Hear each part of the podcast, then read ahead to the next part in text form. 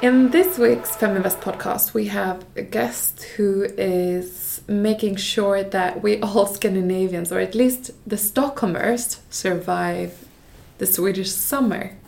Because what would a Swedish summer be without gelato? Welcome to uh, the podcast, Nikki. Thank you. Nice to be here. You have um, traveled around the world and ended up in Sweden for some reason that we'll discover throughout this uh, conversation. Um, what did you do while traveling around the world? I worked as a pastry chef and I did a lot of surfing and um, yeah, that's about it really. Do you have a sweet tooth? um, not really, oddly enough. Uh, small small amounts, but no, I don't live on sugar like some people I know. Probably good for you. Yeah, definitely. As you live with ice cream all around you. Because we haven't really started to talk about it yet. But you are the founder of Sticky Nicky. I am. That's what they tell me. Yeah. what, how come that one? Obviously, you had the knowledge of uh, desserts, etc., and how to make them the best possible. But how d how come one starts a company and in a cold country like Sweden? I lived for a couple of years in Italy and I love gelato. And uh, after going around Stockholm, e- even before I moved here, I went around and saw that there, there really weren't any good ice cream places in Stockholm. Uh, there was one Italian gelateria here. That's it. Uh, and the rest seemed to be just the same stuff, mass produced, no love, non organic, lots of chemicals. And I thought, wow, I can do this better. so um, at first I couldn't find I couldn't find a proper storefront, um, and I had no idea how expensive everything was either. So I ended up opening in a kiosk, an outdoor kiosk, uh, and someone from one of the big newspapers came and wrote about us. Ellen Peters is her name, with Dagens Nyheter. And as she said, "I- "Is it okay if I take some pictures and maybe um, maybe write something about you guys?" And I was so busy and so stressed. I was like, "Yeah, yeah, sure, whatever." And I, I didn't realize that she was from Stockholm, one of Stockholm's biggest newspapers, and that she was going to put the article out on the Sunday food section. Uh, and from that point on, our ice cream just exploded. And that was 2008. Uh, three years later, we opened our first uh, real store, if you can call it that, the one that has actually one key for the door instead of 25 that you go around and close up every night. And yeah, we've just been I growing. love that definition. the real store with one key. Lived a rough life. yeah. Uh, yeah, so that's that's where this it started really. But did you grow up in an entrepreneurial family? I did. I did. My my father had I can't even count how many businesses he had. Some of them failed, some of them went really well. Um, I also grew up with a father who loved to cook. Uh, so I got my love of food from him and my entrepreneurial entrepreneurial uh, ideas from him, I think. Mm. Uh, I read this really interesting report about how we talk about entrepreneurs. We say, "Oh, he's an entrepreneur," and then when we talk about a lady, we say, "Oh, a female entrepreneur." Like we d- Really? we, never say a male which is really interesting. That is true. Yeah. It's kind of like you say a female doctor. I hear that a lot. Oh, a female engineer, a female doctor. It's like, And it no, just of- a doctor. It kind of works that way for most of the male dominated um, professions. And so I actively just talk about entrepreneurship Yes. uh, as like whoever it would be, would be. But it's interesting that you say that, uh, yeah, you got it from your dad. Um, those kind of, that, the, this kind, kind of skill set. Mm. Um, I got my my practical side from my mother. My mother was much more cautious, and that's probably they had a pretty good balance because my dad was, ah, let's do it. and my mom was, uh, no, we have three small children uh, and we have no money in the bank account. Let's not do it. uh, but I have to say, Sweden is. It's much less so here saying female doctor, female entrepreneur. It's it's it, it is a fairly equal society in Sweden compared to I don't know Italy, France, even the US. According to the world, the World Bank, we are one out of six countries in the world that has the the fundamental equal rights. So we are actually one of the most equal countries in the world, as you say. Yeah, yes. Yeah, uh, and it's a great opportunity. Um, but it also takes. I mean, you arrived to Sweden 13 years ago. You told me, and it takes a lot of courage and belief in yourself uh, to to start a business. I um, think. Yeah. uh, is obviously that is a strength of yours. Uh, do you have any other traits that you say like this has taken me as far as I've come today?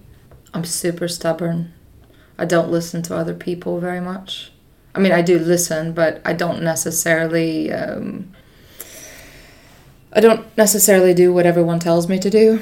Um, I think I told you before the the first our first real store with the one key. Everyone said, "Don't buy it; it won't work. Wrong side of the street. It's not the sunny side. Uh, too many cars driving by." Uh, and that's today is still has it, that store today still has uh, some of our highest sales. Mm. It should it should actually be going flat. Um, if you if you look at other business models, that store's sales should have almost be going down now, and it's it's not. They're mm. still it's still going strong. Mm. Mm. so yeah, that's amazing. yeah. Um, so you have grown over the years. Uh, you said it 2008. 2008, 9, and 10, we had the outdoor place. And then you opened the real store. 2011. And today you have how many locations? Nine. Nine locations. Um, and I know that your annual turnover is about 50 million and you've had a profit. You've been profitable for the last three years. Yes. Um, now you are actually doing a crowdfunding campaign with Funded by Me. Um, that you as a listener can investigate further on their platform. How come that you're actually getting more money on board? We're going to go out into the retail market, uh, grocery stores, uh, first in Sweden, and then hopefully in Europe and possibly in the US in the future. Uh, why not? Why limit yourself in your thinking? Mm. I, I I'd like to go out into grocery stores first. Um, and then I would like to start franchising more scoop shops here and there and everywhere. Uh, I think the brand is super recognizable. Um, Did you think actively about that when you started? No. When I started? With no. The, with when the brand? oh, with the brand that it was recognizable? Yeah, with our first logo, I drew on a children's computer program.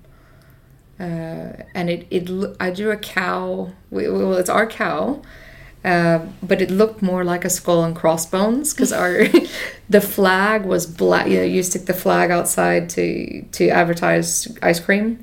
So the flag was black with a white uh, stick figure cow, so and it looked like skull and crossbones.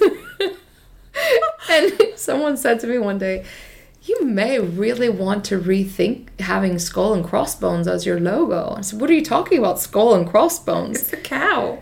But then when I looked at it, I couldn't see anything else except skull and crossbones. And I panicked. I'm like, I really have to get cow 2.0 going. so I found a, a great uh, branding designer. Uh, Monroe Design. She's awesome. Another female entrepreneur. Uh, and she took the cow. She I, I, I talked to probably 10 or 15 different people. uh, but she took the cow to cow 2.0. Mm. Um, And added the pink. The pink. no, the pink was there. The pink was The there. pink was there. The pink was in the stores. Um, that's also really weird. That wasn't. I could lie and say I I knew all along pink was going to be a super popular color and great for the brand, but it was actually because I got a girl, and and as a kid I was a super tomboy, and I never went through the the pink period of life. I was always blue jeans, t-shirts, and playing in the dirt on BMX bikes. Uh, so having a daughter, I I found I got to go through my pink period of life, um, and that's why the walls are pink. I had thought from the beginning it would be royal blue or purple or even orange, um, but no, it, it's pink. That's why. Ah, interesting. Yeah. And I know that for your vision forward, obviously you want to grow, and you've grown rapidly uh, over the years. Um, you uh, also want to grow, but sustainably, uh, together with the balance of family life. Yes. Mm. Um, how does that work with ambitions to take over the world? Well, my daughter is nine now. Um, it's it's much easier. Uh, I don't I, I don't want to miss any of her uh, childhood, and I think the older she gets, the more important it is to be. Uh, what's the word in English? Närvarande. Present? Is it just present? Yeah, I guess, or yes, to stay close. We're other, we're super or- close, and I need to be a big part of her life, uh, especially entering the preteen years. Yeah. Uh, and I think that by expanding, you also get a you you have another way to oh how do you say it um, you give up a bit of control to other people but you, you work in a smarter way a better way. Uh, for the past 10 years i've been working physically or no 13 years. I've, I've been involved in every aspect and i know that if i want to grow i have to give up some control in some areas. It's Um, interesting because I could tell because just as we've met now for a short period of time, you picked up a phone uh, and it's uh, a farmer, a farmer because of the the previous one going bankrupt. Yeah, said. but I don't want the farmer. This is the farmer who used to supply the milk to the company that went bankrupt, or they just decided to close down. Okay. And so I don't want him to go away. And so we try to buy milk directly from him instead. Ah. And as long as he's coming into Stockholm, he actually told me they've started making cheese instead. All of their milk is going to cheese, but he would be happy to keep giving us milk. Mm. And it makes a huge difference in the quality of the gelato. Mm. Fresh, like fresh, unpasteurized milk with full fat content in the summer is. If you tasted the gelato in March and you taste it again in July, the, you'll taste the difference. It's amazing. Mhm. You have to come by. Yeah, definitely. and it's difficult to try and compare the flavors because I'm not gonna. I'm gonna eat up the ice cream that I buy in March. Yeah, yeah, true. it's not gonna be left in my refrigerator. No. Um, but if you look back on on the years, what kind of challenges have you met? Where should we start? um, it's just in the beginning. um I think most most businesses tend to go out of business within most most food based businesses uh, tend to go out of businesses within the first year to eighteen months just because they don't have cash flow. Uh, so I made I made some mistakes in the beginning. I'm not gonna lie. I got bailed out a little bit with cash, or we probably would have gone bankrupt even in a kiosk outside. Um, but then it, it started becoming less of a hobby because in the in the first years it was just a hobby, and I was I was surfing. I was at October first. I was gone from Sweden. And surfing, and traveling and cycling, and and then I would come back and start it all again the next year in April. Um, so when it became less of a hobby and I started getting a lot more focus and uh, drive, I guess I, I grew up a little. Um, I forgot what I was saying. Then, Yeah, then, then you started to see the success. then we started to see the success, and I started to work on not making those same mistakes that I made in the beginning. So, what would be advice to to other entrepreneurs listening to this uh, interview on how to scale up, particularly in in food? I think if you're going to open a restaurant, you you need to get a budget or a cafe or any food-based business. You need to get a budget and you need to stick with it and you need to have all of your fixed costs paid for for at, at least one year and plan on not making any money for a year because you're going to make mistakes. You know, $10,000 here, it, it just adds up after a while. Mm. Mm, good advice. Thanks. yeah. So now you are uh, expanding and you're taking on board investors. It's an unlisted company, but do you have an ambition to get listed one day, or like how? What potential could one see as an investor? Uh, I think the ones coming on now, um, they're going to make money in the future. Um, I'm. We could be the we could be Ben and Jerry's of Scandinavia. You never know.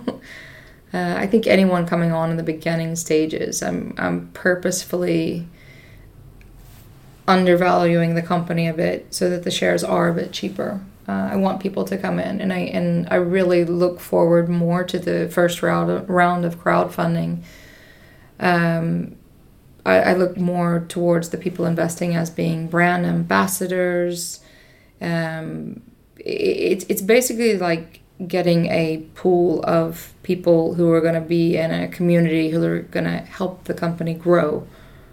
Um, and I do think that in the future they're going to hopefully double their money at least. Mhm. Wouldn't that be great? But it's very possible. It's very possible. You have uh, an ambition also to give some some discount on ice cream. Yeah, we're um, let's see, we're going out with the campaign now, and it'll be over in the middle of August. Um, so instead of giving a discount for this season, we're going to give it for the whole of next year. Uh, it feels kind of cheeky to just oh you get six weeks discount yay uh, so we're going to give a 20% discount uh, to all investors for the next for 2021 and i know that a lot of people a lot of our customers now would actually make that money back because they buy so much ice cream that by having that 20% discount card they'll make it back plus maybe more that's how much ice cream people eat it's insane Mm, I can imagine. I'm one of them. we we have really loyal fans. That's uh, one uh, one thing I've found from the coronavirus. We have no tourists now. It's only Stockholmers, and they love it. They they're coming like there's like there's nothing going on. People are just standing a little further apart. Everyone's still coming for ice cream. So you don't feel hit by the virus? Um, March, April, and May, uh, it was really bad weather. Uh, I didn't understand if it was just the weather or if the virus was going to kill the business, um, which is probably what really kicked me in the butt to get going with the retail sales because I know that retail sales has been on the back burner for a few years now. Uh, and it was actually the plan to go out with it maybe in one more year but then i you know we had such low sales i just started working on it directly. And then when the scoop shops started performing again when the sun came out i realized well i should really just push push keep going. It's a it's it's really a way of completely stabilizing the business no matter what the weather is because people will buy ice cream All in stores. round. No matter what the weather is. Sweden is, I think, number five per capita. F- four, five, or six, I can't remember. I don't know what the statistics are now. Per capita in consumption of ice cream mm-hmm. in the world. So we are we are top in terms of candy, ice cream, coffee, And bananas. and bananas. I think, isn't it Is it number Possibly. one per capita for bananas? Possibly. That's so funny. We we did a, a fruit rescue uh, now with a company called Food Loops. Uh, so we rescued 150 kilos of bananas. Uh, and people are going bananas. There's going to be so many banana flavors. So banana ice cream is very popular here. I have to say. Yeah. You uh, also continuing talking about that topic. You have um, you work a lot about to have a sustainable business. What does that mean to you, and how do you work in that regard? Uh, in our scoop shops, we have uh, 99% of, well, 100% of our compostables. Uh, so our cups, our cones, our to go packaging, and our spoons are all biodegradable, compostable. Uh, the only plastic we use right now, which I am actually looking to get rid of, but I haven't found a good substitute, uh, are, are uh, garbage bags. Other than that, everything's biodegradable, compostable. We also we try to buy local uh, as much as we can. Support support local local farmers, even if it's not organic. Uh, it's local. Ninety five percent of our ingredients are organic. Um, what else? What about like vanilla, for example? Obviously, we don't have that in Sweden. I buy it. Uh, well, I bought it in various places. The last place was from a company in France who works with co-ops who produce vanilla. There's been turmoil in the vanilla industry the last four or five years, but believe it or not, vanilla is not one of our biggest sellers. No. So it's not a big problem for us. Saffron uh, is more popular than vanilla in Sweden, oddly enough. Interesting. I know. Mm. And we work with a, a saffron, not a grower, but a saffron provider who works with co ops of growers in uh, Pakistan who produce saffron picked without child labor. And all the people who are picking the saffron are actually keeping most of the money. Uh, no slave labor, which is great. Because the saffron industry, from what I've heard, is not so kind Mm. to its pickers. Obviously, you're you're scaling up, and now uh, together with uh, investors and brand ambassadors, as you Mhm. say. And the campaign is opening up for the public on the 21st of June, so it's just been opened. So now when you listen to it, you can you can go to fundedbyme.com and um, read more about the campaign, the financials, um, and where what to expect in terms of communication from you onwards, etc. Um, and obviously, it's amazing to live in Sweden and get be able to get the discounted ice cream, but um, it's possible to invest from all over the world. It is. Yeah, so uh, for your future expansion, Yeah. people, the brand ambassadors and the investors can take it to places. yeah. I have I have I have a lot of friends all over the world. Can- Just from traveling for 10, 15 years. I can imagine. Um, where will Sticky Nicky be in 10 years? The Your company or me? The company. yeah, good question. I don't know. That's a really good question. Um, I I think it could go extremely far. The Ben Jerry's of Scandinavia. Exactly. But I think it I think it will get out of Scandinavia as well. I do. It's, it's a super cute brand. It's and it's a really good product. It's a really good product as well. Mm. Uh, it's, it's something that that I feel good giving my kid. So, And she will be 19 then in 10 years. oh, don't say that. It's terrifying. We'll take My baby. graduation. Yeah. yeah. Maybe she'll uh, join the company. Oh, she already does. She um, she can scoop ice cream, um, and she, She, can, eat ice cream. She eats a lot of ice cream, uh, and she knows how to work the cash register. She loves to do that. I don't think she's technically supposed to do that, but she really, really likes it. She loves the customers. She goes into stores. They don't realize that her mom is the owner, and she sits. You know, I make her stand in line if she wants an ice cream, and she sits there telling them about all the flavors, and they're like, "Who is this kid?" but she's a big part of the company. Mm. Thank you so much for being part of this interview. And for those of you listening, head over to fundedbyme.com and uh, tap into the Sticky Nicky campaign to learn more. Thank you for, for being part of this week and best of luck. Thanks. Thanks for having me.